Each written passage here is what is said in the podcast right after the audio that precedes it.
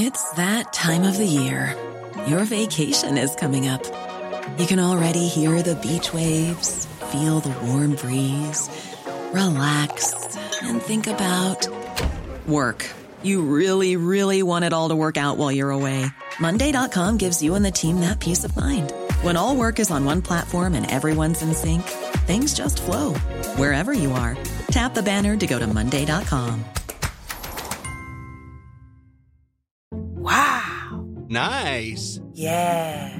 What you're hearing are the sounds of people everywhere putting on Bombas socks, underwear, and t-shirts made from absurdly soft materials that feel like plush clouds.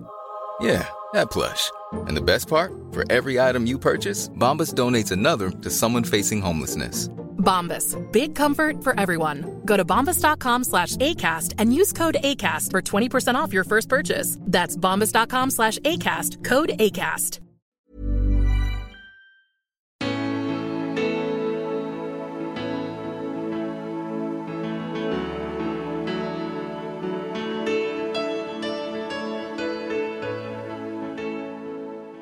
Jag känner ju till slut att man sitter ibland och bara, gud jag har ju inte rätt att sitta här och stjäla syret. För jag är ju ingen yrkesmänniska jämfört med de här proffsen. Tills man förstod vad de pratade om, vad det var för satsning eller investering och, och det var ju bara jättedåligt allting. Men det lät ju som att de var liksom Guds gåva till mänskligheten. Jag är inte där för att vara populär. Och är det då någon smart en som, som har insett att liksom, det är bättre att jag sitter och flinar och säger rätt saker till någon tant här på HR. Eh, ja men det är klart, då får du ju in folk som är väldigt anpassningsbara och stannar några år och så drar de. De flesta känner till Lottie Knutsson från tsunamikatastrofen 2004. Då var hon kommunikationschefen på fritidsresor som satt dygnet runt i tv-sofforna och berättade sanningen. För sitt sätt att hantera krisen blev hon utsedd till både landsmoder, utrikesminister och VD av pressen. Men i det här avsnittet så pratar vi mest om andra saker. Lottie är idag styrelseproffs som använder sin erfarenhet till att göra organisationer mer krismedvetna och mer öppna för att öka mångfalden. Och då menar hon inte hudfärg och kön. Dessutom anser hon att snälla chefer är en fara för en organisation. Vi pratar också om hur det är att gå på språkkurs i Cambridge, vilka svampar som är godast och hur det är att vara gift med en gammal punkrockare. Här kommer en av mina drömgäster, så håll till godo! Författare, styrelseproffs, föredragshållare, journalist och krisexpert Lottie Knutsson. Välkommen till podden Spännande möten. Tack! Du är ju faktiskt en av mina personliga önskelist, önskegäster till den här podden. Eh, Så jag är oerhört glad att få sitta tillsammans med dig och ställa mina frågor till dig. Ja, kul! Ja, det är fantastiskt kul. Och jag vill också nämna att vi just nu sitter och spelar in dagens avsnitt på Quality Hotel Nacka. eh, Som alldeles gratis har lånat ut sitt eh, fantastiskt fina konferensrum här. Och Quality Hotel Nacka, det är ett familjehotell med relaxavdelning som även är öppen för barn. Och dessutom, dessutom så har man gratis parkering. Och det Och extremt nära centrala Stockholm. och extremt nära centrala Stockholm. Så att eh, det är ett perfekt alternativ för barnfamiljer eh, och speciellt under sommaren. Och jag uppskattar verkligen den inställningen som man har visat här för det är win-win och, och personalens bemötande att säga att ja, gör ni reklam för oss i podden och får vi lämna, lämna inspelningen på vår Instagram så får ni låna lokal av oss gratis. Och det tycker jag är grymt. Grym inställning. Fantastiskt. Eh, Men tillbaka till tituleringen. Tycker du att den var adekvat eller tappar jag bort något? Eller Nej då, nej absolut. Jag är ju journalist från, eh, från början. Ja. Eh, Jag är en av få som har liksom gått tillbaka till skrivande då, eller någon sorts reseexpertroll är det väl mer. Än, än någon grävande journalist. Eh, Men absolut, jo men just nu gör jag ju ganska mycket olika grejer. Mm. Och författare är du ju också. Du har ju skrivit eh, din första bok. Mm, precis, och jag har Som- två andra på gång du har två andra Ja, ja, jag Första måste- heter ju Nödrop när krisen Ja. kommer. Som jag har läst Ja. två gånger. Eh, och, eh, men jag tänkte höra med dig, vad är det du håller på med nu för böcker? Ja, men det, det är två stycken. Det ena är mer en guidebok kan man säga, med ett ganska kul tema som jag har kommit på. Eh, som visar sig att ingen faktiskt har gjort just skurit korven på den längden. Så att det, det blir roligt. Och sen eh, har jag parallellt börjat med, men det går lite trögt just nu, en bok eh, som är en annan sorts kris än de här yttre kriserna och organisationskriserna, nämligen om ehm, olycklig kärlek och vad det gör med människor och kan hjärtan brista? Och jag var med i en situation när jag inte tyckte jag kunde hjälpa. Till och med två gånger har jag varit det, ehm, ehm, väldigt nära personer i närheten. Så jag började fundera på det där. Men jag, den är inte klar ännu så att, eh, vi får se när det kommer.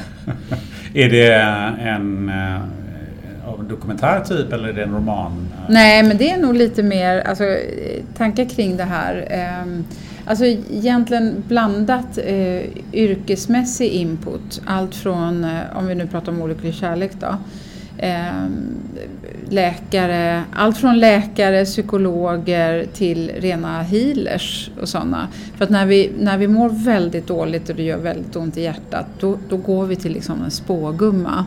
Det är ofta då man, man tar till vad som helst för att lindra smärtan. Så att det är dels då ur olika yrkespersoners eh, perspektiv men också människor som berättar anonymt för det här är skämmigt. Alltså det är mycket, mycket skambelagt det här att bli övergiven och vara ledsen i vuxen ålder. Så att eh, människor som berättar ger sina case för att dela med sig, för att kanske, kanske hjälpa någon annan. För det är ju så man tröstar bra, genom att berätta sin egen och hur man överlevde och kom ur det. Så att, eh, det är den ena. Och sen den andra är som sagt mer en renodlad rese och guidebok. Den har jag kommit mycket längre i. Vi ska ju prata om en massa olika saker. Vi ska börja lite grann i tsunamikatastrofen. Eh, men den ska vi bara behandla helt kort. Vi ska prata lite mediehantering i allmänhet hos eh, företagen. Vi ska prata lite grann om lära sig språk. Om dig som person. Om kriser av olika slag och ledarskap kopplat till det. Eh, digitalisering och eh, vildhjärnor. Mm. Tycker du att det känns som en bra mix? Ja, särskilt vildhjärnor. Jag tror mycket på det. Vildhjärnor, ja det ska bli ett intressant. Eh, ämne. Men eh, jag tänkte börja ändå i eh, den här tsunamikatastrofen. För när jag berättar för mina vänner eh, att jag ska intervjua dig och att, att vi ska göra ett avsnitt i podden. Så säger de aha, ja just det ja. Lottie Knutsson, det var hon med tsunamikatastrofen. Eh, och eh, det är ju ändå så att där någonstans det hela började åtminstone uppmärksamhetsmässigt. Du blev ju till och med förklarad som landsmoder ett tag i det här sammanhanget. Landsmoder i brun kofta. Det var många titlar som ja. jag fick där. Ja.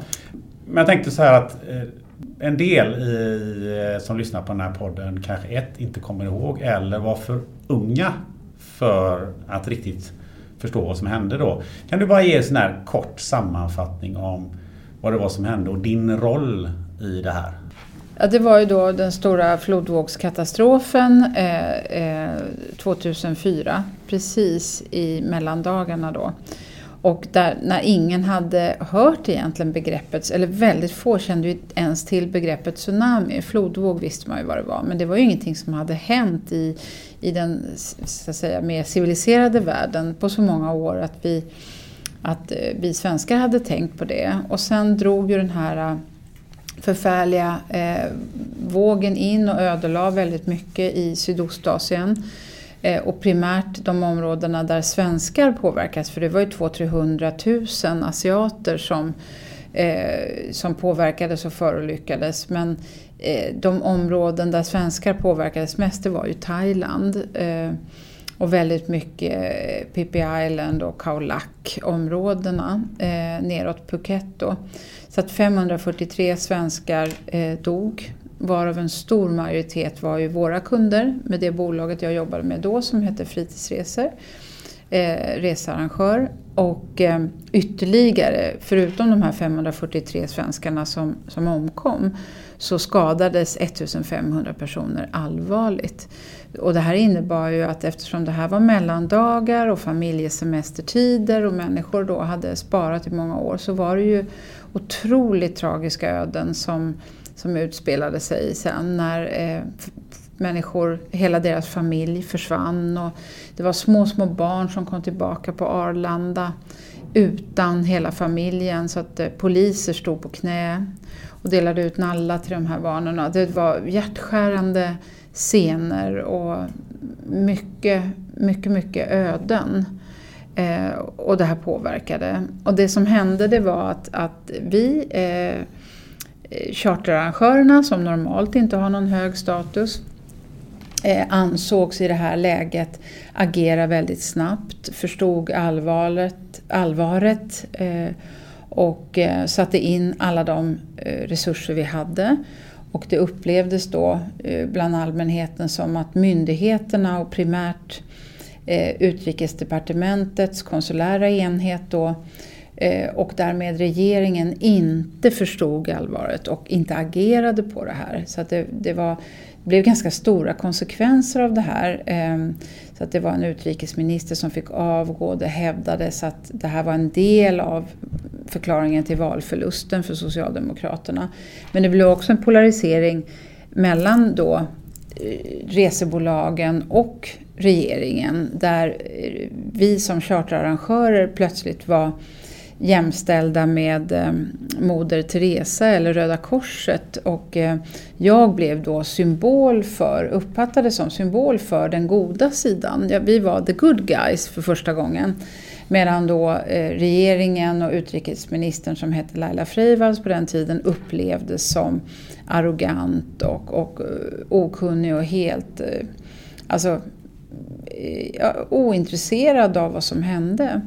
Sen så är det en förenklad bild naturligtvis, men det var den bilden som, som uppfattningen som väldigt många människor fick. Och det blev väldigt mycket fokus på mig som person. Så att jag fick liksom, och det har skrivits eh, avhandlingar på det här temat. Och jag fick symbolisera allt det goda egentligen i det här att vi agerade snabbt och var modiga och sa som det var, gick ut med det värsta.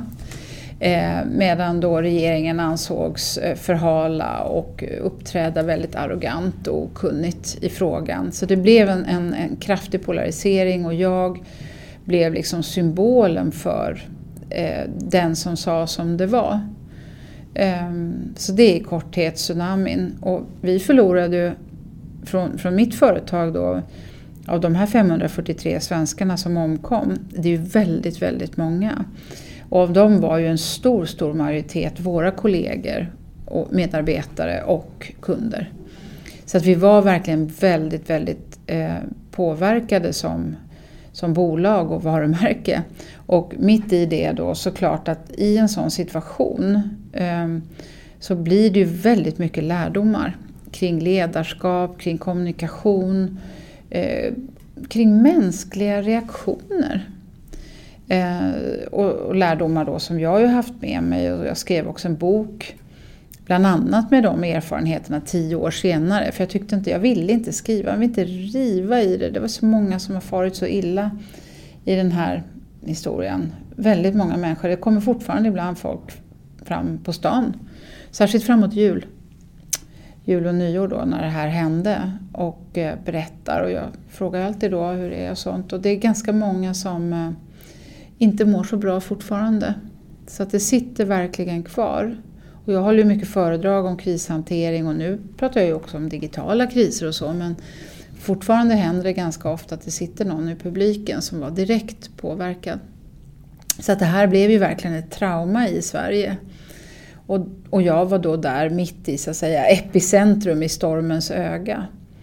Eh, alltså det blev väldigt mycket lärdomar eh, och insikter. Och jag har varit med om kriser även innan. Jag jobbade på SAS i min gröna ungdom under Gottröra-kraschen. Eh, så jag var först på plats där på informationsfunktionen ute i Frösundavik där vi satt. Det var ett flygplan som... Ja, ett flygplan. Men det var inga som omkom då. Men det var ändå mycket lärdomar. Man landade i... på en åker eller vad det mm. var det där? Men det var mycket ja. lärdomar i hanteringen mm. av det. Och sen så har jag varit med om evakueringar av hela länder, dödliga bussolyckor, eh, sars, svininfluensa, 9-11, eh, askmolnet kom ju efter eh, tsunamin. Och sen naturligtvis serverkrascher som också har en, en enorm påverkan idag. Så att, ja, vad har vi nu? Där har vi utrymningsplanen och vi vet vad nödutgångarna är. Det brukar vara lite så att folk börjar titta efter dem när de sitter med mig. Det är ganska fantastiskt att alltså du sa 500, drygt 500, nästan 600 människor som, alltså svenskar som omkom. Jag kommer ihåg Estonia-katastrofen som ju eh, var eh, några år tidigare då. Där det var 800 människor som omkom. Och det, det är ganska fascinerande att man känner alltid någon som känner någon. Mm. Eh, trots att det egentligen bara är alltså 5, 6, 7, 800 människor utav totala ja. Sveriges befolkning som, som, som omkommer. Så, mm, men det är så, så många som blir kvar. Ja. Och det är ju en viktig lärdom tycker jag också att i alla kriser, även om vi bara pratar om bara, men varsel och uppsägningar, att du har alltid så många människor som påverkas runt om. Inte bara eh, kanske om vi tar ett varsel då, när man tvingas säga upp folk. Det, det kommer vi stå inför ganska många nu framöver tror jag. Eh, men då är det inte bara de direkt påverkade och deras familjer och grannar och sådär. Utan du har också människorna, de som blir kvar. Alla påverkas. Det är liksom system och så stort land är vi inte. Du nämnde ju just det här att eh, eh, då ni var the good guys och UD var the bad guys. det var ju en del kontroverser där. Min fundering är, hur kunde du hålla dig så lugn i det här sammanhanget? Ja, nej, jag vet inte, jag var inte så lugn. Alltså, I alla sådana här riktigt tuffa kriser, det är ju lätt i efterhand att säga att oh, de gjorde allt rätt enligt skolboken.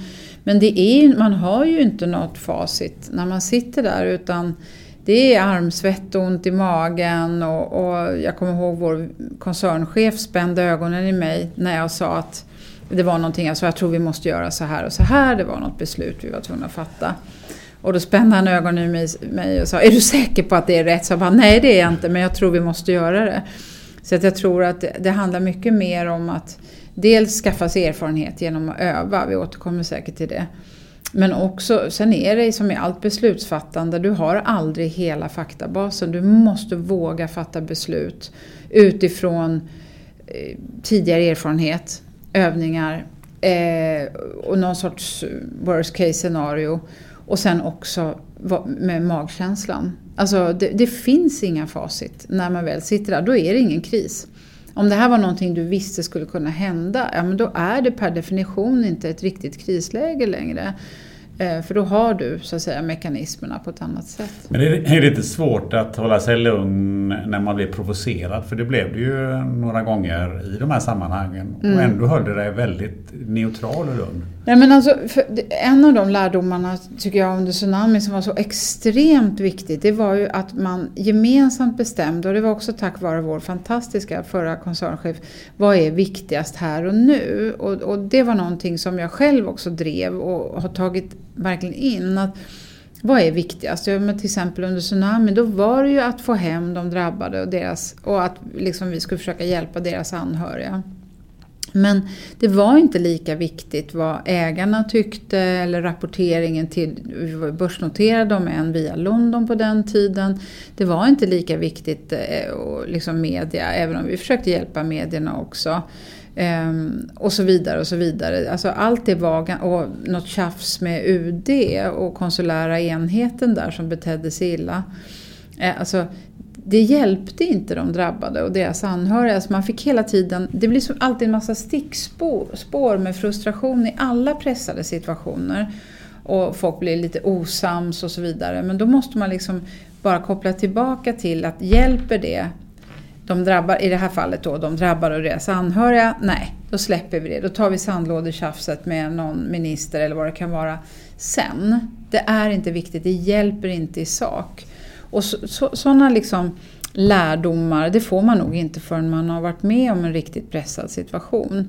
Jag har ju också suttit liksom, när det har varit mindre grejer, att man, man vill reda ut saker mitt under liksom, ett pressat läge eller kris. Och så inser man bara att det är inte läge, allt sånt får man lösa sen. Eh, det blir, det blir väldigt lätt spill ut med vägen. Ja, det är det jag tänkte på.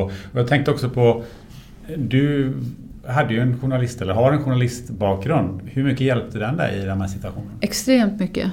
Extremt mycket. Jag eh, jag, eh, och har alltid gjort under min karriär, inte så mycket bara media, men jag, jag har, försöker, försöker ha eh, den utomståendes glasögon på mig. Jag försöker att inte bara ha ja, det här inifrån och ut navelskådandet. För att det, det är livsfarligt. Det och poli, internpolitik eh, är livsfarligt och prestige om man vill vara eh, en, en habil organisation som klarar lite knuff och bök och stök. För vi kommer ju alla hamna i besvärliga situationer. Alla organisationer gör ju det. Så att eh, jag, jag, tycker jag har haft väldigt mycket glädje av det här att eh, försöka vara rak, försöka säga som det är. Försöka hellre säga att utifrån det lilla vi vet så har vi beslutat att istället för att låsa in sig och ha all fakta på bordet och sånt där. Så att, eh, nej, jag tycker jag har väldigt mycket glädje av min, min så att säga, journalistutbildning.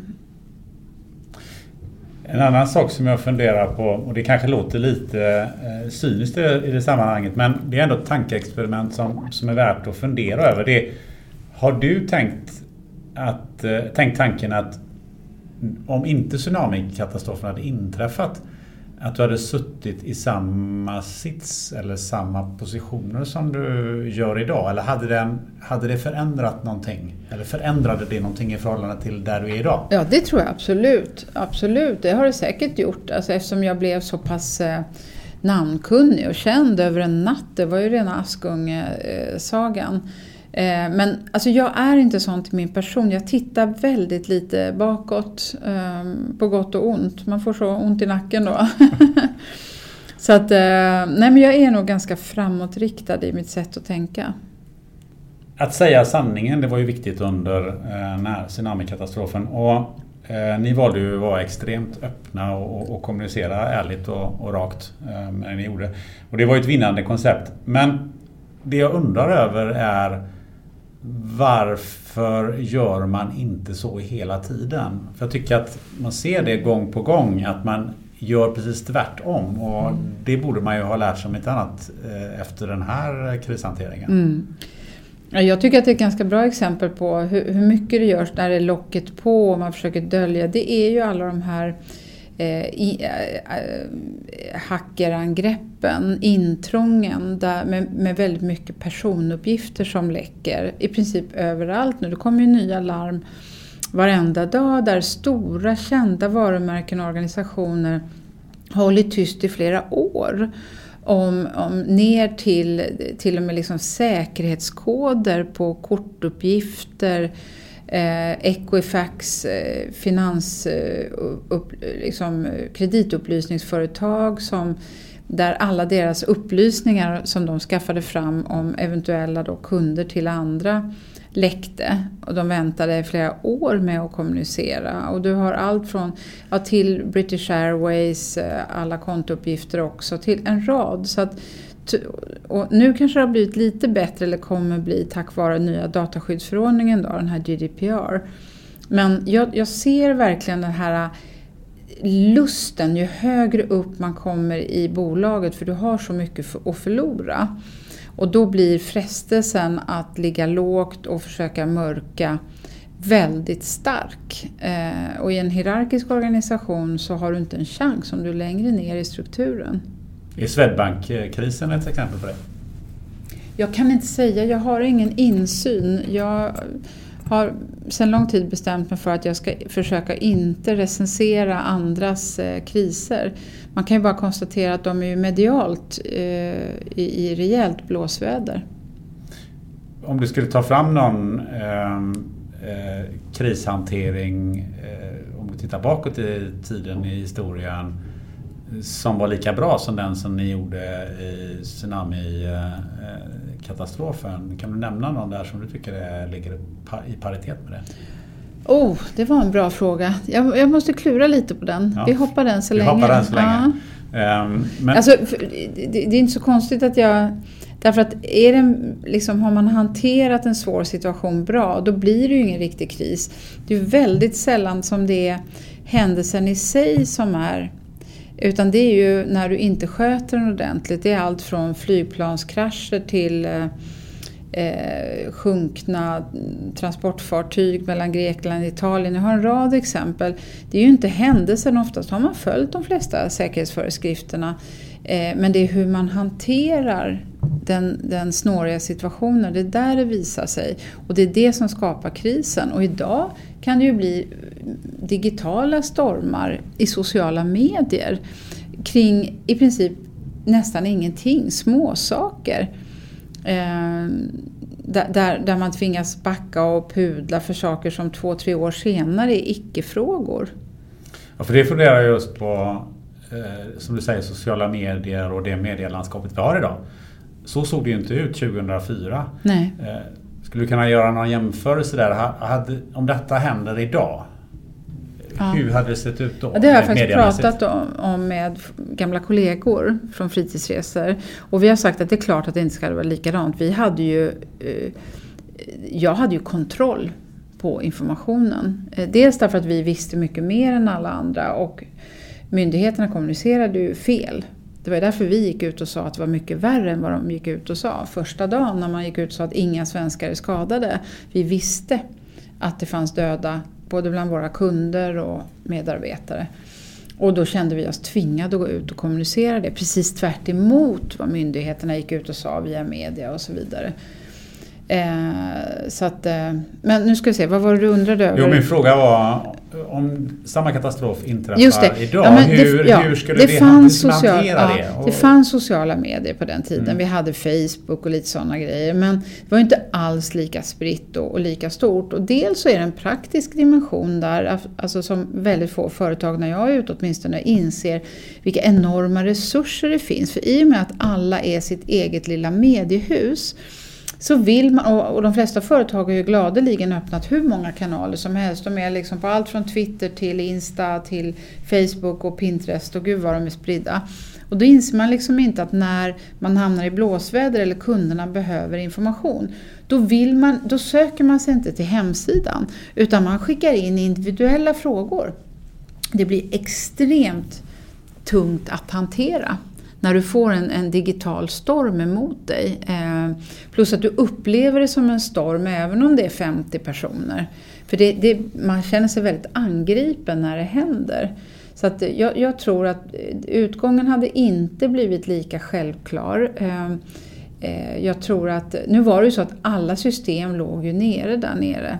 Så att det var ju, alltså det vanliga marknätet var helt utslaget och Eh, det mobila nätet var helt överlastat. Så det, det, var väldigt få sms som sipprade igenom. Så att eh, det är möjligt att sociala medier inte, i en riktig naturkatastrof så fungerar ju inte sociala medier heller. Men det gäller ju dina kanaler också som bolag, så det är ju samma mm. sak. Men eh, ja, jag, tror, jag är inte säker på att det hade, vi hade liksom kunnat ha så bra kontroll på budskapen men å andra faktiskt... sidan kanske budskapen hade kommit fram mycket snabbare. Jo, men du vet, alla har sin egen tolkning. Du vet, du har alltid människor mitt under brinnande tsunami. Så fanns det ju områden i Thailand som överhuvudtaget inte var påverkade. Och vi var ju tvungna att evakuera alla kunder till slut. Det gick inte, det var kaos där nere. Och, och då var det ju människor som var helt oförstående kring det här som klagade, då visste de, det låg ju döda överallt, men man kom ändå och sa att nej, vi vill inte bli evakuerade, kom de till kriscentret då och sa. Vi vill inte bli evakuerade förrän i övermorgon, för vi har en provning kvar hos skräddaren. Va? Och det vår personal som jobbade dygnet runt och var traumatiserade det rejält, alltså de blev ju helt nästan galna. Jag var ju tvungen att säga liksom, bara ta ett andetag och gå ut i ett litet kyffe bakom, stänga dörren och bara ställa sig och skrika och gråta. Så att människor är sig själv närmast i alla lägen och det gör att du, du får liksom en flod av olika tolkningar, olika vinklar och desinformation när det händer någonting. Så det är inte lätt att hantera sociala medieflöden. Vi kommer in till lite grann på när det gäller språkhantering. Eh, du har ju varit på språkkurs för inte så jättelänge sedan. Eh, men det finns ju också en eh, kris kopplat till det här med språk.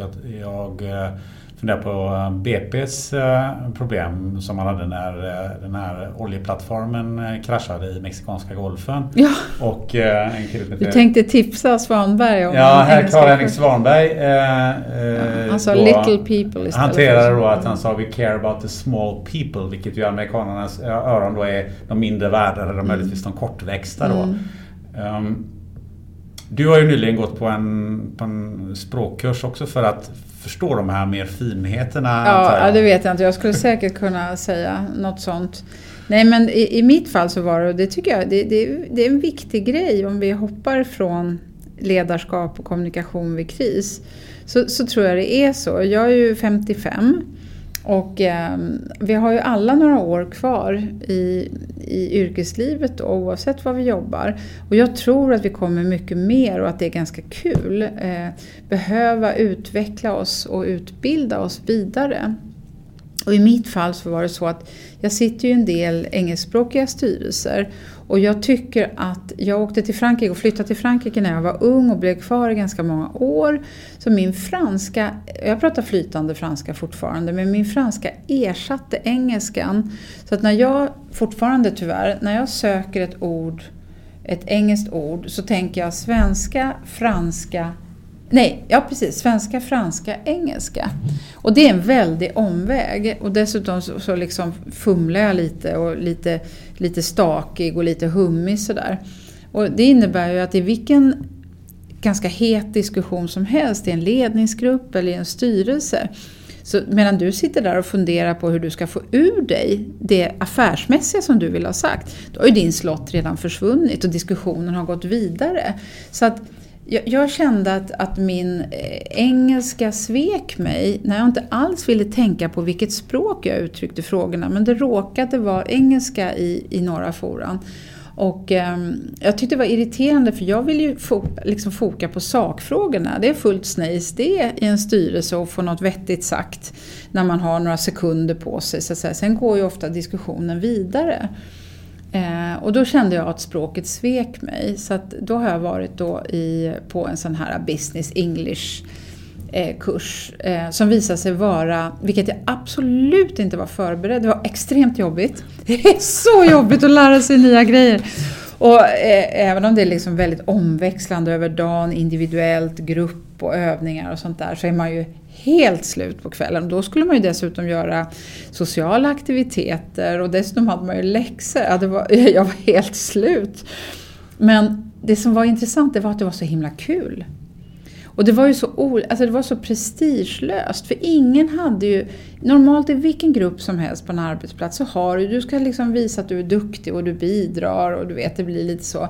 Men här var ju alla där för att utveckla sin egen engelska. Så där satt jag med en hög polischef från Finland, en tysk advokat eh, i, i 25-30-årsåldern, en en eh, tysk eh, tech-entreprenör som skulle göra global expansion med sitt bolag och någon italienare som var ingenjör och så vidare. Så det, liksom, det blev ju så av... Vi hade ju så roligt. Vi höll ju på att skratta ihjäl oss. Därför det var ju noll prestige. Och man inser i alla andra sammanhang att det finns ett visst mått av prestige i alla grupper. Men inte i den här. Äh, det var så roligt. Och det hade jag inte alls väntat mig. Och det är någonting du rekommenderar eh, de flesta att göra? Ja, men alltså, det, jag tror inte det spelar så roll. Är det som i mitt fall, alla har ju inte liksom kass engelska, men det kan ju lika gärna vara, alltså, tror jag, liksom, alltså, eh, eh, programmering, alltså eh, sitta och koda. Inte för att man kanske ska ta över från någon 20-årig hacker, men bara för att liksom förstå drivkrafterna eller om det är att eh, en del vill ju bara liksom kunna presentera bättre inför folk. Jag tror inte att det, det är liksom lite underordnat. Det är mer att man gör det, att man tar sig tiden, kommer bort från vardagen och tycker att det är viktigt och bra även om man har fyllt 45 att eh, utveckla sig för att det är kul och för att man blir bättre eh, inom något område men inte liksom inför en tenta. För när man var ung, jag menar, det var mycket liksom plugg inför tentor och prov. Och plötsligt så är det grejer som man investerar i mycket mer långsiktigt. Är de här eh, som sitter i styrelserummen som är English native, är de medvetna om att de har en Eh, en fördel i det? Nej, men min erfarenhet generellt är att, generellt är att det inte är så. Det märker man ju väldigt tydligt. Jag har jobbat internationellt och då satt man ju där i dessa telefonmöten, för det var inte alltid man åkte över. Då satt man där i telefonmöten och då satt ju ett gäng engelsmän som är oerhört elokanta. De låter ju så intelligenta och smarta och duktiga tills man ser vad de levererar. Men det, det missar man ju som svensk. Man känner ju till slut att man sitter ibland och bara, gud jag har ju inte rätt att sitta här och stjäla syret. För jag är ju ingen yrkesmänniska jämfört med de här proffsen. Tills man förstod vad de pratade om, vad det var för satsning eller investering och, och det var ju bara jättedåligt allting. Men det lät ju som att de var liksom Guds gåva till mänskligheten. De är väldigt verbala väldigt vana att uttrycka sig. Så satt man där i telefonmöten, då sa jag till några gånger, satt de med en padda men de satt ju bredvid varandra, för det var ju liksom huvudkontoret. Så där satt ju sex, sju personer. Så satt vi liksom, svensken och dansken och tysken och Bellman och lite dålig telefonlina och de engelsmännen pratade i mun på varandra. Det är klart att vi andra hamnade i underläge. Och det är rätt vanligt. Volvo vet jag för många, många år sedan enligt sägnen införde liksom Göteborgssvengelska som koncernspråk. Just för att eh, jag, jag, hörde skvaller någon gång om att eh, H&M i sin engelska verksamhet där blev folk som var ditskickade förbjudna att ta möten i sittande, eh, ta beslut i sittande möten eftersom eh, de blev omkullsnackade av engelsmännen fast de egentligen var skitkompetenta. Så att, eh, det här är skrönor, du får ta det för vad det är men jag tror att det, alltså språk är makt. Eh, och eh, och då, då, måste man känna att man inte känner sig allt för mycket som kusinen från landet. Nu gör jag det fortfarande rätt mycket kan jag säga men egentligen tror jag att man måste nästan bo i ett land eh, eller, eller plugga där i några år eh, så som jag gjorde med franskan. Eh, för att känna att man man får lite mer elegans och man kan ägna sig åt att uttrycka det man vill uttrycka sig, innehållet i det, inte bara få ur sig det.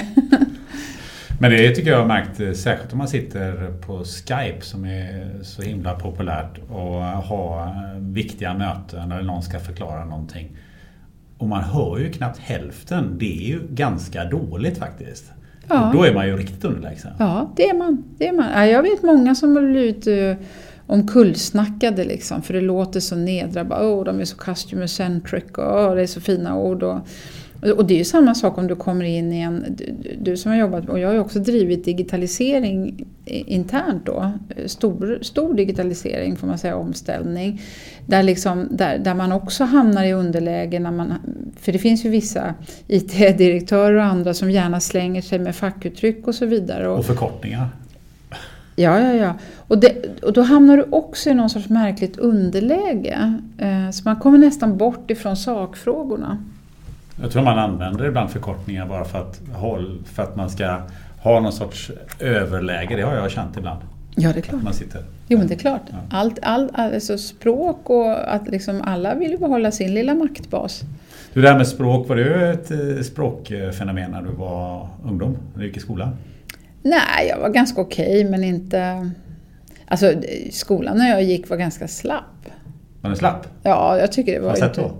Nej men det var inte särskilt svårt att få bra betyg. Alltså det var inte liksom någon kinesisk sådär, du vet man satte barn i skola från tre års ålder och det, det var inte särskilt elitistiskt skolan på 70 80-talet i Sverige. Men den har ju knappast blivit mer elitistisk Nej, nu. verkligen inte. Nu är det nästan förbjudet med läxor i vissa skolor och sånt där. Nej, nej, nej.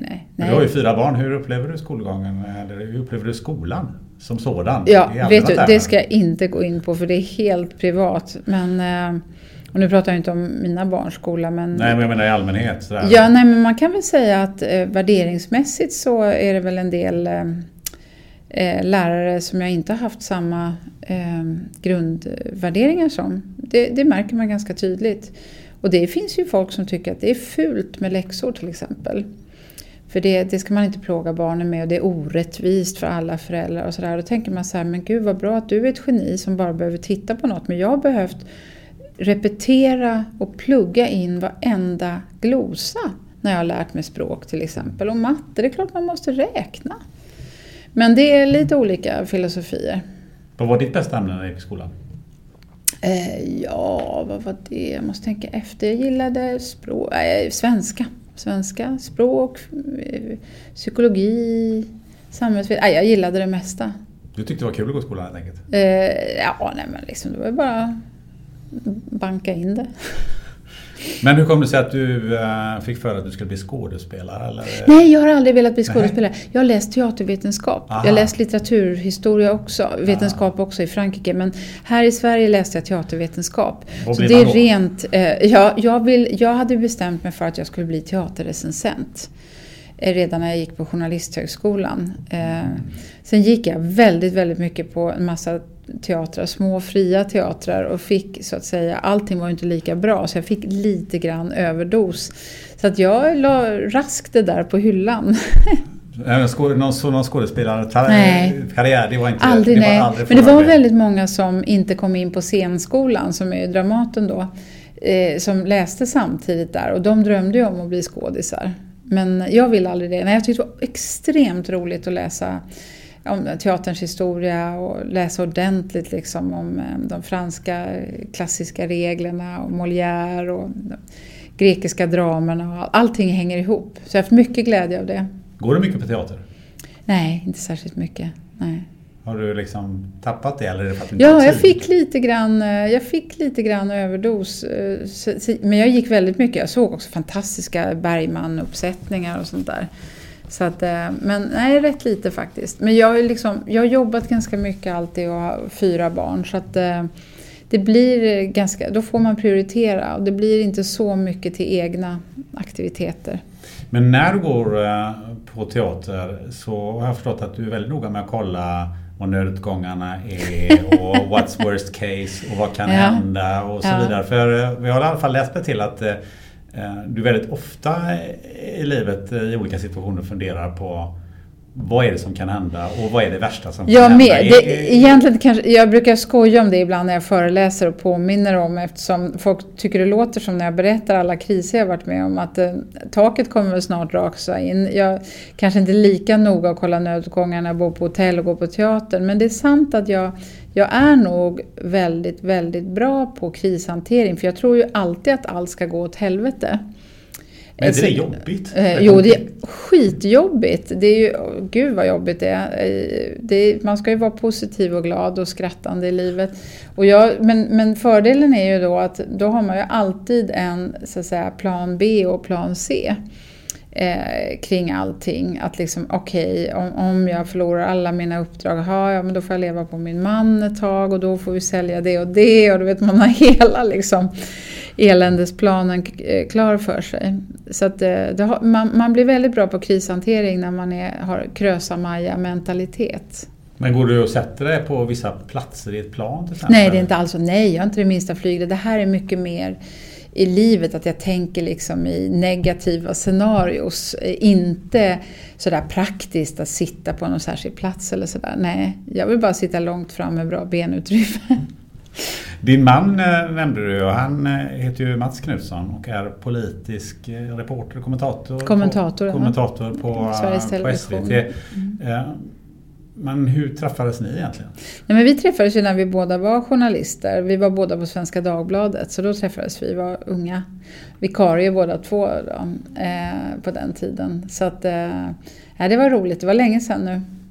Eh, det måste vara nästan 30 år sedan. Jag läste att han var punkrockare. Ja, han var punkare. det? Ja, ja. Det kan man ju inte tro när man ser honom idag på TV. Nej, nej, faktiskt inte. Jag sa det till min fru i morse när jag åkte till tåget. Så sa han så här, Va? Han som ser Ja, han var punkare och han spökade ut så han såg ut som Billy Idol. Billy Idol var hans stora, du vet den här White Ja, Wedding. mm. var hans stora idol. Jo då, nej han... ehm, Men alltså det var ju, när vi, det var ju långt innan vi träffades. Eh, Han drar han på lite punkmusik hemma? Sådär. eh, Ebba Grön eller sånt där. Ja, nej men det händer nog. Ja. Händer.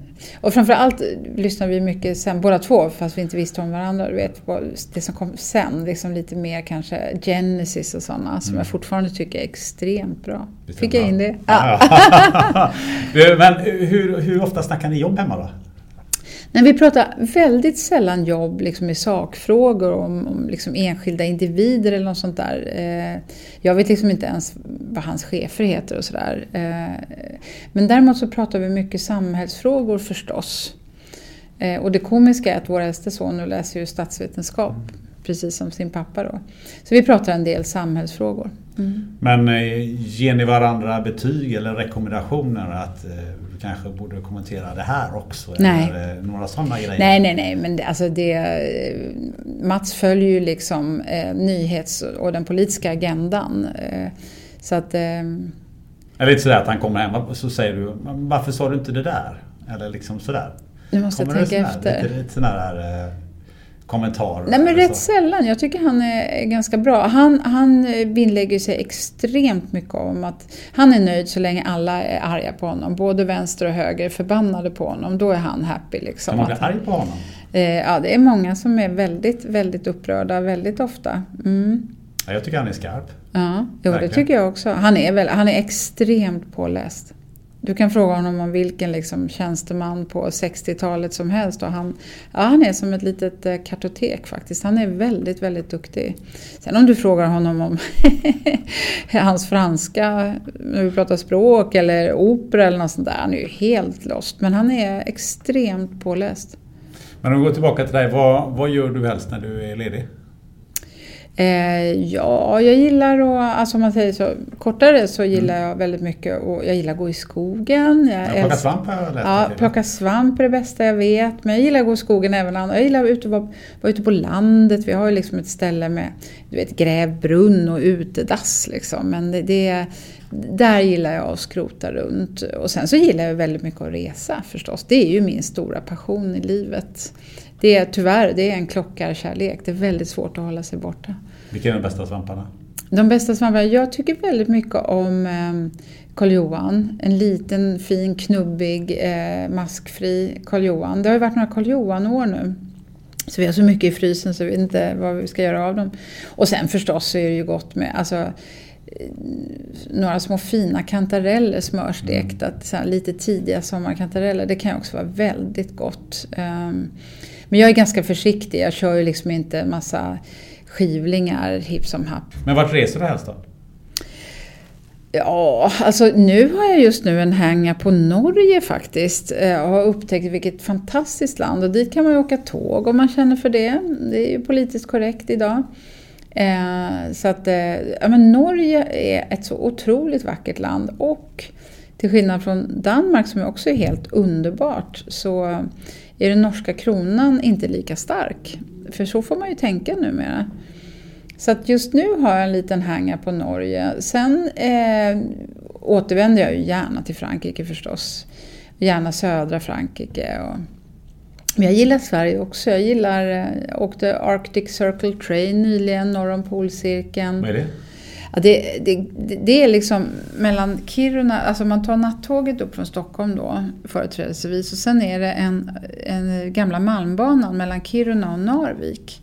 Så det går ju malmtåg där hela tiden, det är mm. rätt fascinerande. Och sen går det då tåg där det är du och sen är det ungefär 85 eh, asiater och så några fransmän. För det är liksom inga svenskar som har upptäckt det här och det är en av världens vackraste järnvägssträckor. Och den har vi i Sverige, norr om polcirkeln, lite coolt. Så du köper Arctic Circle Pass för 365 spänn och så kan du åka fritt mellan 12 fjällstationer eh, under tre dagar. Så hoppar du av, kan du hoppa av i Abisko, kanske vandra till Björkliden, Kungsleden då och sen hoppar du på tåget igen och så, ja, rätt läckert. Vilken bra idé. Mm. Men du gillar tåg och åkt eh, Glaciärexpressen i Schweiz förstås? Ja, jag har åkt Glaciärexpressen. Eh, jag har åkt en del, jag har åkt en del av de här Belmont. De är så himla dyra bara, men eh, British Pullman och... Nej, men jag gillar att åka tåg. Men jag åkte mycket tåg när jag var ung också. Ja, det är fantastiskt. Mm. Apropå det här med Norge, vi ska ju komma tillbaka lite grann till det här med kriser och eh, eh, både lågintensiva och högintensiva kriser. Eh, jag tänker på Norge, jag har en eh, kompis som är tankbåtsskeppare som kör bland annat tankbåt längs norska kusten. Och eh, jag snackade med honom igår just eh, i och med att jag skulle träffa dig här och prata om kriser och, och, och att också att öva inför kriser. De, han berättade för mig att en gång i månaden så övar de alltid, har de alltid någon sorts brandövning. Och sen har de alltid en gång i månaden eh, övning antingen man över bord eller lämna skeppet och sen har de ett antal övningar till. Mm. Och han har ju sett grejer när folk har satt på sig utrustningar upp och ner på och massa sådana här saker. Även på en tankbåt. Där de jobbar ju stenhårt. Ja, men det är därför där. man måste ha sådana här drills. Det har ju alla, alla rederier, eller de seriösa i alla fall, de är ju jätteduktiga med det. Just liksom på fartygen. Därför att, och jag har varit med på en drill en gång på Irländska sjön med Stena Line. Och det var så extremt lärorikt bara att studera. Det var då något scenario när någon skulle låtsas falla ihop och vara passagerare och vad var den skulle göra och sånt där. Och det, det, jag insåg då, det var ju vad kaptenen berättade, för det var ju några som stod helt handfallna i personalen. Och då berättade han, ja men jag är ju tvungen att ha det här en gång i veckan, därför de har ju så många så kallade temps. Eh, alltså, och det har ju vi i Sverige också, med en personalomsättning som ofta ligger på 20-30% i serviceyrken, så har du en omsättning. Så även om du har övningar en gång i månaden så har du nytt folk hela tiden. De har inte en susning. Och då, då faller ju hela systemet. Så det är därför du måste ha sån täta uppdaterade övningar. Och det kan vara små nanoövningar nästan.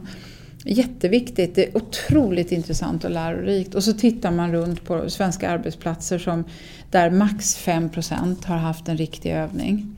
Eh, det, det, är min statistik från överallt där jag är runt och föreläser, för jag pratar mycket om det här. Och ibland man fråga vem som har haft en övning, en analog övning, där man testar hur det skulle funka eh, om wifi eller interna IT-systemet är utslaget, inklusive din fina krisapp i mobilen. Det är ju ingen som har testat. Det finns en massa kommuner som fortfarande inte har eh, parallella URL, alltså hemsidor Fastän vi vet att får du ett jordskred eller en, en explosion eller eh, översvämning, vad som helst, så är det första stället du letar på som kommuninvånare, det är ju kommunens hemsida. Och då är ni utslagen. Men varför är det så? Nej, men jag, vet, alltså jag tror att vi svenskar är väldigt naiva. Det är därför tror jag som vi inte har förstått omfattningen av de eh, cyberangreppen som vi är utsatta för. Vi är väldigt naiva. Det, det, visar ju alla våra sådana här, så, vi driver ju liksom en fråga i taget i det här landet och det, är en viss, det präglas tycker jag av en viss naivitet. Men är det pengar som spelar roll också? Eh, kan... Det är för dyrt att göra, göra övningar? Ja, det är det säkert också och besvärligt. Du måste ju tillsätta resurser. De flesta är rätt slimmade idag. Så att snarare tror jag kanske det är pengar resursbrist. Men framför allt så tror jag att vi liksom Nej, men vi är naiva och vad det gäller digital utveckling så har vi varit väldigt möjlighetsorienterade. Jag var ju likadan. Jag var ju så här, halleluja, digitalisera. Vi gick ju från i princip 0 till 70 procents Eh, 80 procents nätförsäljning när jag var i reseindustrin och jag var ju med och drev det aktivt. Det gjorde vi alla i ledningen. Vi ställde om hela bolaget.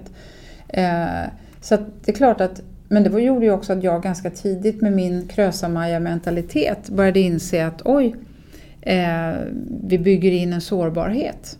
Både på samhällelig nivå och runt om i företagen och organisationerna. Och det var jag nog ganska tidig att se. Och när jag började lyfta det här i, diverse olika styrelser eh, så fick jag väldigt olika reaktioner. Det var allt från att jag i princip blev avsnoppad av en annan person i en styrelse som hävdade att eh, när jag sa att jag skulle vilja att vi fick en dragning kring IT-säkerhet, det håller på att hända rätt mycket nu här med mycket angrepp och sådär. Eh, och, och, styrelsen har ett ansvar för, för data precis som för finansiella flöden. Och då fick jag någon avsnoppande kommentar om att det var minsann inte på tillräcklig strategisk höjd för en styrelse. Det var ett ställe. Men en annan styrelse så sa styrelseordföranden Men gud vad oh, det låter asjobbigt Lottie, men vad underbart att du är intresserad. Kan inte du sätta dig ner och gå igenom ordentligt med IT-ansvarig och sen så tar vi en presentation och sen tar vi det här löpande över åren nu framöver hur vi ligger till även där. Ehm, och eh, något år efter så kom ju eh, Transportstyrelsen skandalen när eh, hela styr, eller halva, över halva styrelsen och styrelseordförande och två ministrar och nästan hela ledningsgruppen fick ju avgå. Och då kan jag säga att han, den styrelseordföranden som hade bett mig fördjupa mig i det och sen plocka tillbaka, han var jäkligt nöjd. Ja, det kan jag förstå. Den andra snorken, han äh, återkom aldrig. Men våran inställning äh, till det här och att äh, det här händer inte oss och att man är naiv. Kan det bero på också att vi egentligen inte har blivit utsatta för några rejäla krig ja. eller kriser på över ja, 240 ja. Nej, men Det är en extrem naivitet. Men det, det, det, präglar ju hela det svenska samhället. Vi, vi tror ju folk om gott och, och liksom... Ja, men det är ju en, en det är lite sloppy. Men om du tänker just på IT-kriser och IT-krascher och så vidare. Om du bara skulle plocka ut, vad är, de, vad är de viktigaste grejerna som man ska tänka på? Just i form av att säga att det är en server som går ner eller, en, mm. eller någonting som går sönder rejält. Så ja. att, Nej, men för det första så tror jag ju att, att vi, vi, måste lyfta de här frågorna. Alltså IT är i hjärtat på i princip all affärsverksamhet. Och det gäller även vården. Vi har ju sjukhus som hamnar i stabsläge när de är utsatta för angrepp och så vidare. Alltså eh, tekniska angrepp. Så att jag tror man måste för det första medvetandegöra och inse att liksom, eh, det digitala och tekniken är i hjärtat på all verksamhet. Så måste man agera utifrån det i beslutsfattandet och lyfta de frågorna högst, högst upp. Inklusive styrelsen som har ett ansvar för, för eh, precis som vi inte skulle lämna en skål med pengar mitt på Sergels torg obevakad. För jag menar, finansiella flöden, där har vi koll. Och sen så måste man ju naturligtvis, eh, man kan aldrig vara helt säker, men man kan åtminstone ha det högt på dagordningen och agendan. Och sen kan man öva och testa hur funkar det om vår service, alltså de flesta ligger ju i molnet idag, va? men hur, om vi plötsligt inte har tillgång till vår data eller vår hemsida vad det kan vara. Hur agerar vi då? Så att man övar analogt och ser vad man har för redundans, alltså parallella backup-system, både i människor och kompetens men också ren teknik. Så att jag tror att det finns ganska mycket som man kan göra. Det finns ju försäkringar idag.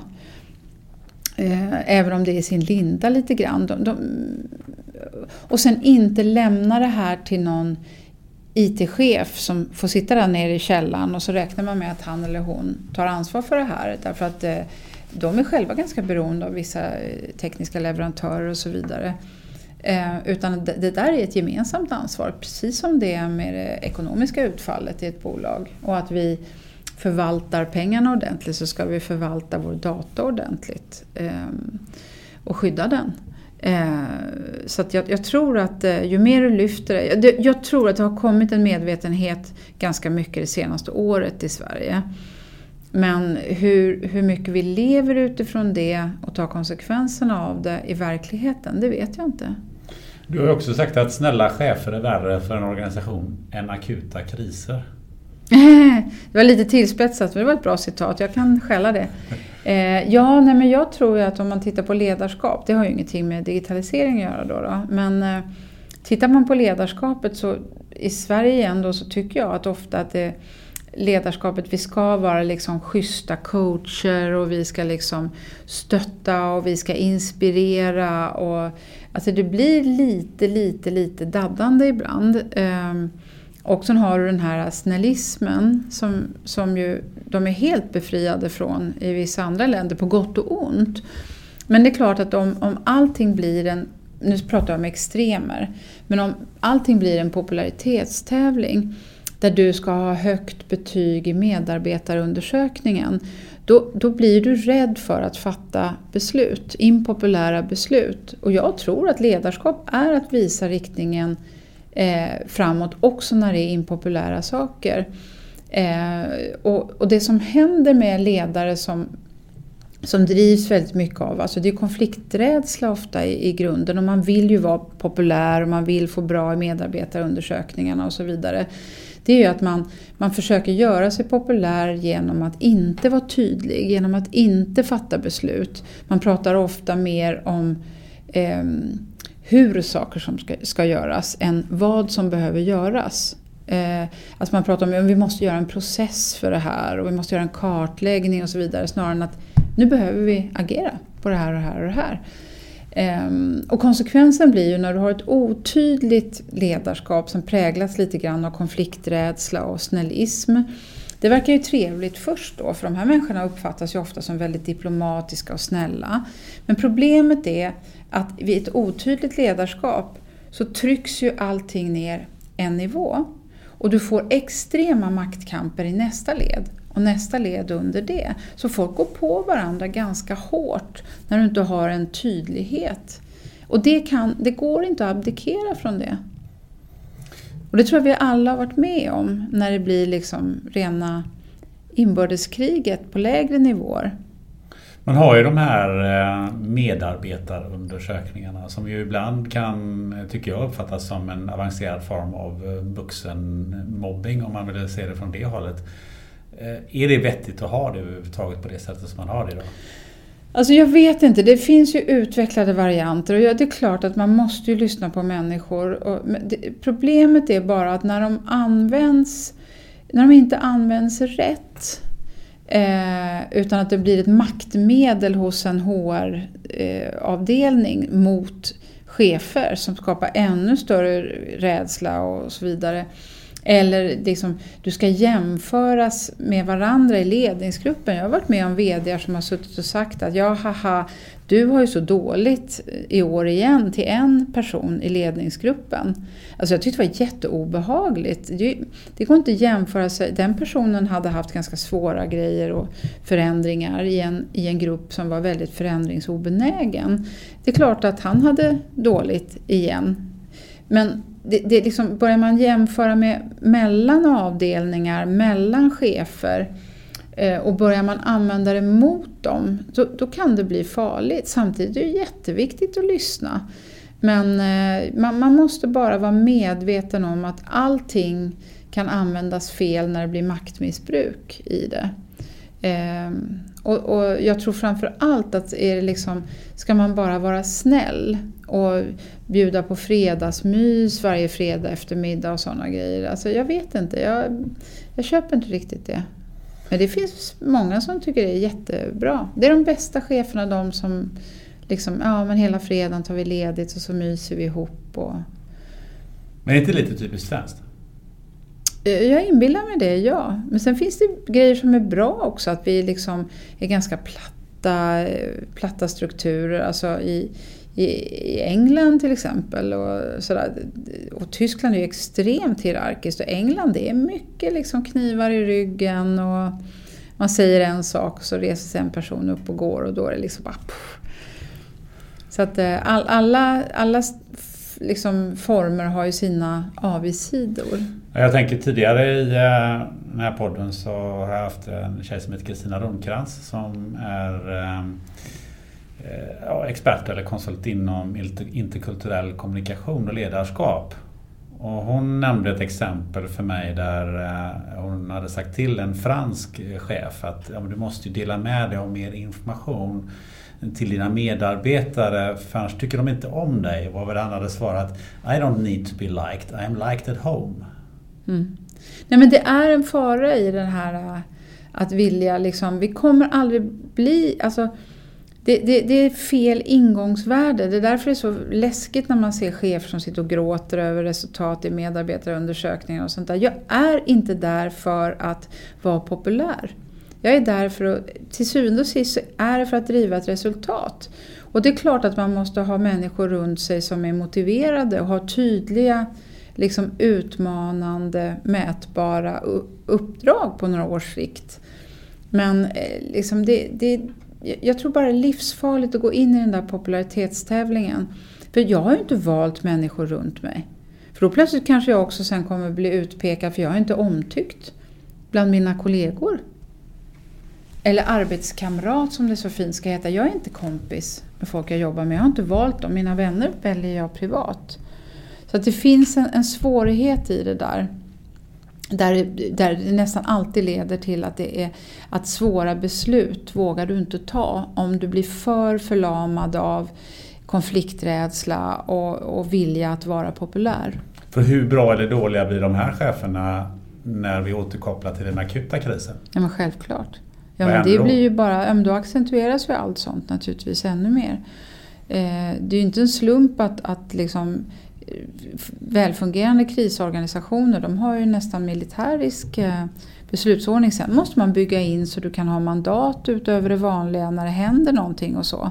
så att inte, och människor måste ha en kompass så att de vet varför vi finns och vad vi driver. Att, att kunden alltid är viktigast och då kan jag bryta mot regler och så vidare. Men, eller vad det nu kan vara beroende på var du jobbar.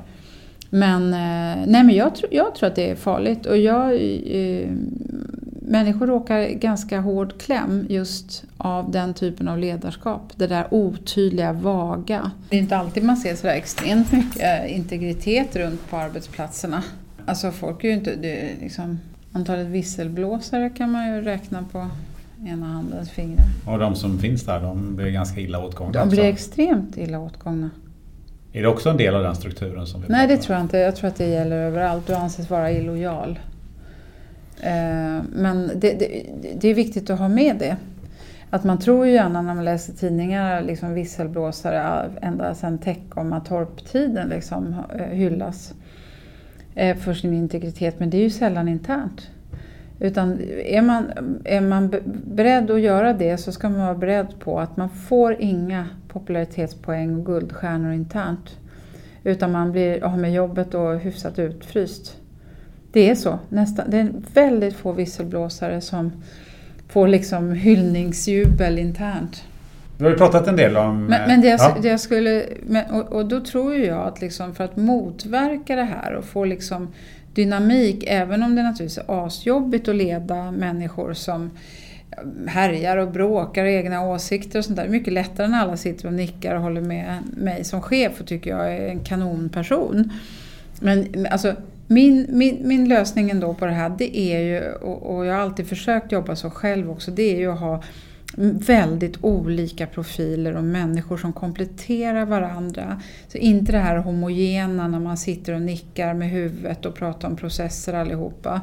Utan utan verkligen liksom ha, ta in vildhjärnor och udda fåglar som, som verkligen är väldigt duktiga inom sitt område. För det är man ju ofta, men kanske inte mellanmjölk, sådana som är duktiga på allt lite grann.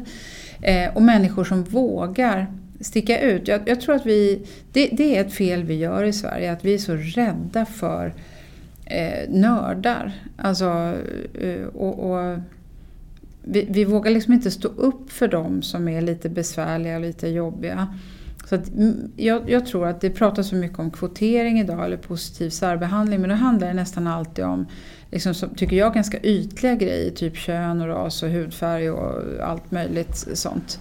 Ehm, men jag tycker man ska titta på, på liksom, ja, men, udda fåglar, nördar in i organisationerna. Det är, de har det inte så lätt.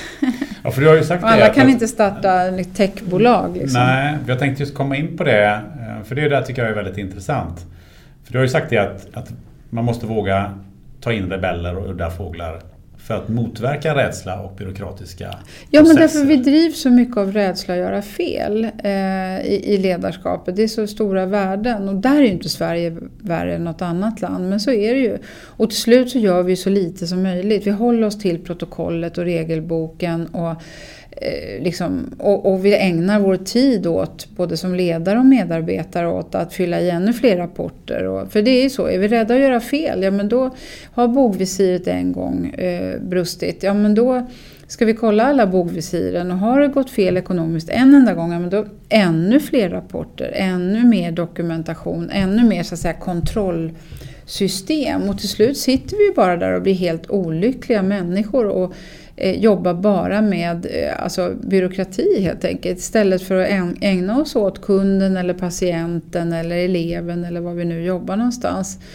Eh, det, det, är liksom just kunder eller patienter eller elever och så vidare är ganska bortglömda ofta i, eh, i organisationerna för att man pratar så mycket om allt annat. Väldigt mycket då om huret hela tiden. Men finns det inte ett negativt ekorrhjul i det här? Eftersom vi är sådana i företagen så vågar vi inte anställa eller vill inte anställa Nej, de här vildhjärnorna. Nej, nej, utan då, Vilket gör att vi kommer i ännu ja. mer... Nej, men tittar man på det, eh, liksom, särskilt när man sätter HR-avdelningar på och ska sköta allting istället för cheferna som kan frågorna. Eh, så, så, blir det ju ännu mer utslätat och du, ofta ser man ju att det som du söker det är ju folk som är liksom flexibla, samarbetsvilliga, du ska funka i vårt härliga gäng och du ska vara... Ja, men liksom, i, I verkligheten så ska ju du vara fullständigt anpassningsbar och flyttbar. Runt om, du blir ju bara eh, ett anställningsnummer så ska du kunna flyttas runt. Ehm, och det är ju jättesmidigt för en personaladministration men eh, antagligen har ju de här liksom, udda typerna sållats bort sedan lång tid. Men du kan vända på det och säga så här att en udda fågel, eller rättare sagt en, en, en rebell eller en som har egna idéer och som driver saker och ting. Han vill inte jobba i en sån organisation. Nej men alla, alltså alla, lite... alla så att säga mentala rebeller eh, kan inte starta eget liksom, litet fintechbolag eller vad de vill göra. Utan jag, jag tror att, men jag, jag tror bara på, jag gillar olikheter. Men det är inte så att det ska stå på ett papper att det handlar bara om hudfärg och kön och slöja eller inte slöja. Utan titta mycket mer på, på de inre egenskaperna och drivet. Men företagen är inte organiserade för att ta hand om de här människorna som är rebeller? Så som Nej, men jag tror idag. att ja, men det, det, kan bli ganska hotfullt för mig som ledare också. Eh, så att, eh, men menar, man kunde ju försöka kvotera in någon åtminstone. Det är rätt homogent alltså. Ja, och är det inte så också att eh, orsaken till det är ju att vi är rätt så fixerade vid det vi gör just nu och försöker göra det lite bättre och lite billigare. Alltså man, om man sätter sig med en biltillverkare Absolut. eller något sånt där. Försöker ju liksom tillverka samma bil fast lite snyggare, lite bättre, lite smartare, lite snabbare mm. och, lite, och tjäna lite mer pengar på det. En sån här person som du la in där skulle ju egentligen jobba med att återuppfinna företaget igen och ta den rollen och det finns ju ingen plats nej, för det nej. idag. Och det finns ingen plats, jag menar, och är det då någon smart en som, som har insett att liksom, det är bättre att jag sitter och flinar och säger rätt saker till någon tant här på HR. Eh, ja men det är klart, då får du ju in folk som är väldigt anpassningsbara och stannar några år och så drar de. Eh, så att, eh, jag tror bara att man ska vara medveten om att jag tror att vi sållar bort mycket eh, mycket människor som skulle kunna bidra men som kanske är lite kantigare. Men hur ska vi göra för att vi ska ha en organisation som faktiskt premierar de här människorna? Hur bör vi förändra företaget? Ja, man kan ju börja med att ta in några kanske. Och sen också tror jag, det är ju resultat igen.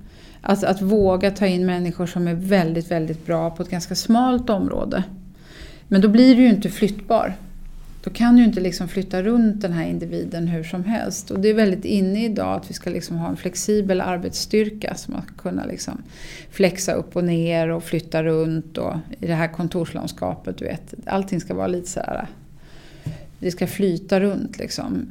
Um, så att jag säger inte att det, och, sen, och sen tror jag dessutom att det är jätteviktigt att den som rekryterar, om du rekryterar en specialistfunktion, en toppingenjör till exempel. Det går inte att släppa det till någon som, eller inom IT, när du verkligen också vill ha spetskompetens. Det är klart att inte det går att släppa hela den rekryteringen till någon adminavdelning som, som råkar heta HR, som inte kan ämnesområdet. Jag hörde om ett teknikföretag som, där, där chefen liksom hade abdikerat från rekryteringen. De missade ju liksom Sveriges skickligaste ingenjör inom just det området. Alltså, eh, så, så, man, man, ska bara vara försiktig. Och, in, och liksom stödfunktionerna får aldrig bli merparten av, eh, av en ledningsgrupp. Du måste ha affären i centrum men du sitter ju i rätt många eh, styrelser, både svenska och, ja. och utländska bolag. Hur, eh, vad gör du när du sitter inne i styrelserummet? För jag tänker mig att alla har inte riktigt den insikten eller den åsikten som du har. Den åsikten? Nej, men det, det, är ju jättebra att man har olika. Man, alltså, styrelsearbete är ju ganska mycket ordning och reda frågor. Man är sällan inne så här djupt. Så som vi pratar nu. Ja, den enda man rekryterar är ju VD, för det första. Eh, och så, så, att man är inte riktigt inne i, i det här utan man kan ju bara driva det så att vissa frågor kommer upp, man kan be att få träffa människor ur organisationen eh, och, och, visa tydligt att man premierar sådana med integritet och inte bara smort munläder. Eh, och, och, att det är okej okay att göra fel också. Att det liksom inte blir den här rädslan att du blir utpekad utan liksom, som de säger, fail but fail fast. Eh, så det är klart att man kan påverka till viss del men man sitter inte operativt i en styrelse. Det är milsvid skillnad. Men när du, när du eh, sitter i styrelsen och när du eh, har de här funderingarna som du har och de erfarenheterna som du har. Du har aldrig funderat på att sätta dig i en VD-position?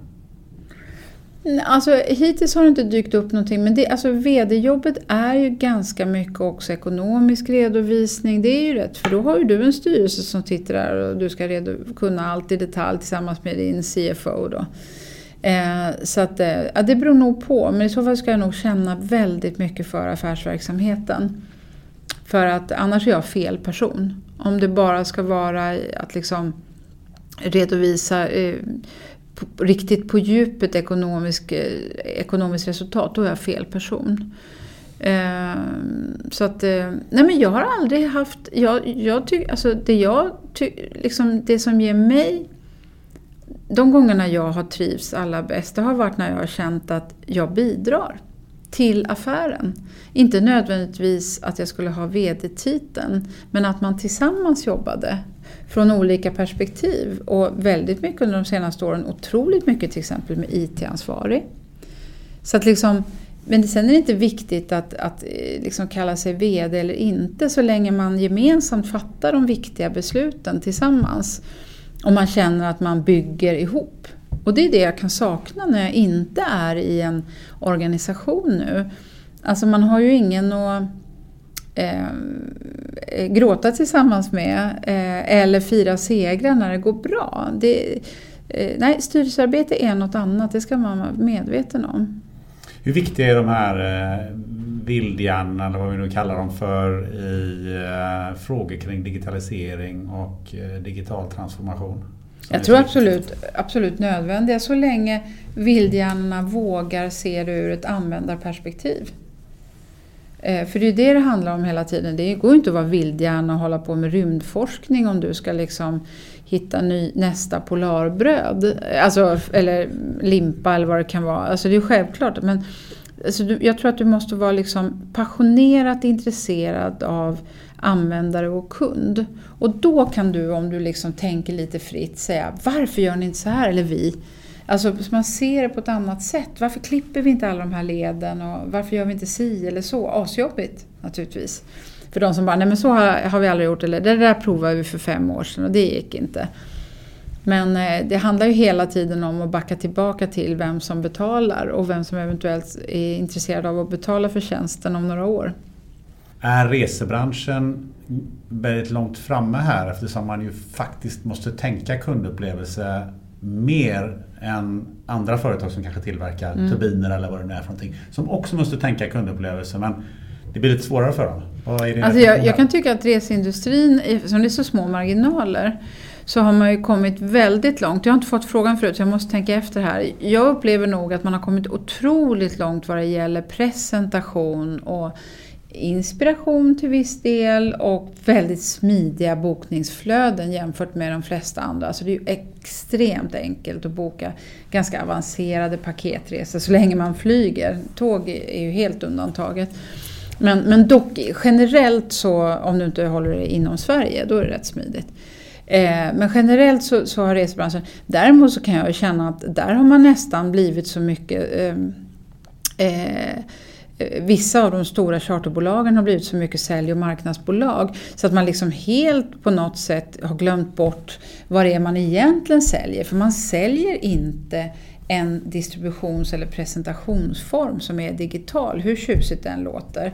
Utan man säljer fortfarande en reseupplevelse. Och där upplever jag att en del av dem där har inte hänt så himla mycket utan det är ett one size fits all och det är stora internationella hotellklumpar som egentligen ska leverera den stora lönsamheten till ägaren.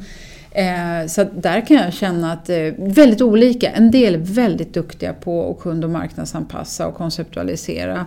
Medan andra liksom har helt glömt bort det. Det handlar bara om vad man gör egentligen på huvudkontoren och väldigt lite om vad som verkligen möter en, om det står en liksom, eh, tysk reseledare som möter mig på, i Palma, en, en ung kille som började förra veckan och slutar nästa vecka och som så ska liksom vinka iväg mig till någon buss. Jag blir inte ett dugg imponerad.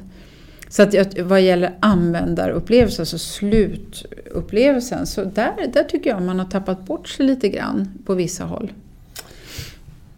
Om vi bara tar en liten kort eh, blick eh, framåt.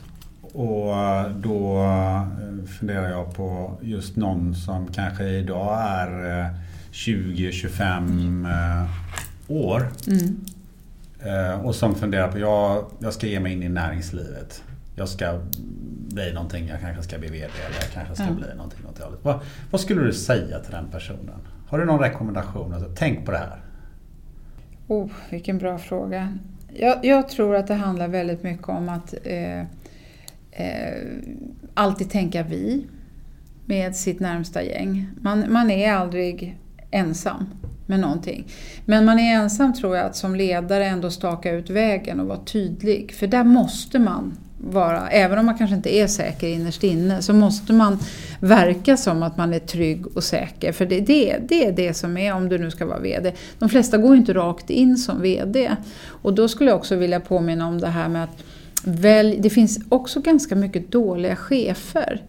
Så att välj en ledare som vill att du ska växa som inte skäl dina framgångar och gör dem till sina egna. Eller så, där du känner att den här personen vill att jag ska lyckas. Ehm, så att i den mån man kan. Och vara obs på också om man hamnar, vilket vi alla gör någon gång i livet, i en, en dålig relation oavsett om det är privat eller, eller om det är en jobbrelation. Att det är inte nödvändigtvis dig det är fel på. Det kanske inte ens är fel på arbetsplatsen eller partnern eller vad det kan vara. Men man, man ska försöka att ta sig därifrån om man känner att innerst inne, det här krockar, det känns inte bra. Det här är någonting som går emot min värdegrund. För vi, vi tenderar ju att nötas ner och det är väldigt många människor i, runt om i Sverige som mår ganska dåligt och som stannar kvar och nu pratar jag inte om alla dåliga privata relationer där folk stannar kvar i rena misshandelsförhållanden. Men det är ju samma sak på arbetsplatserna, att vi, vi, vi mals ner på något sätt och till slut så upplever vi att den bild som sätts av oss, det är det som är. Vi är inte mer än det. Och det kan finnas destruktiva platser och då ska man sticka medan man orkar innan man är söndermald. Och, och att inte vänta för länge. Det är samma sak när man åtgärdar någon man måste säga upp.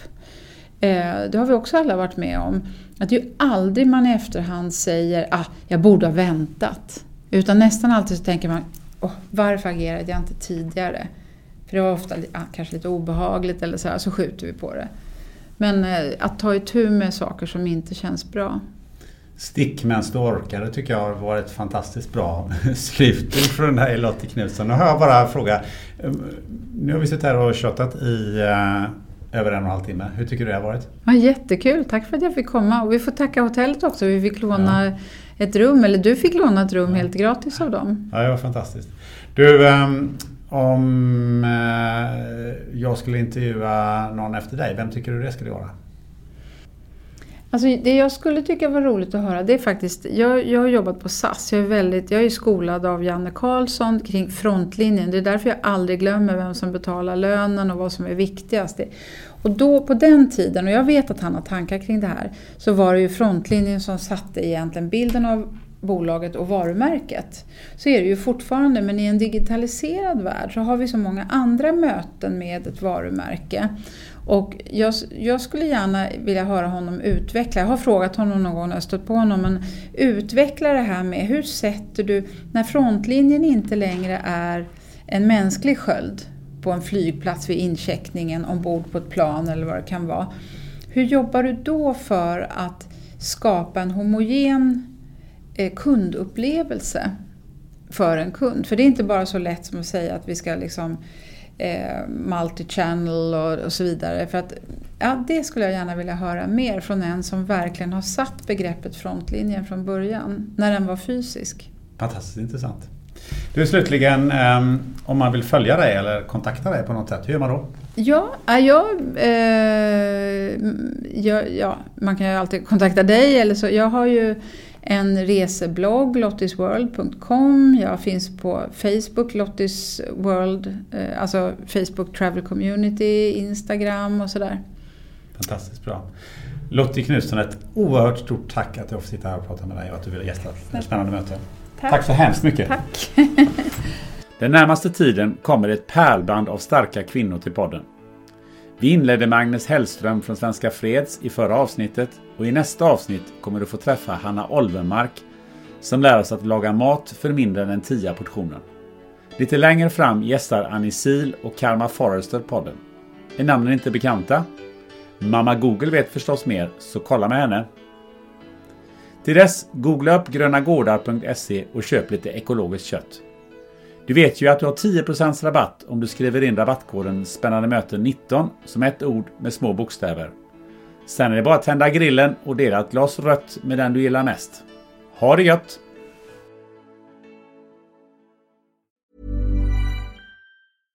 Catch yourself eating the same flavorless dinner three days in a row? Dreaming of something better? Well, hello fresh is your guilt free dream come true baby. It's me, Gigi Palmer. Let's wake up those taste buds with hot, juicy pecan crusted chicken or garlic butter shrimp scampi. Mm. Hello Fresh. Stop dreaming of all the delicious possibilities and dig in at HelloFresh.com. Let's get this dinner party started.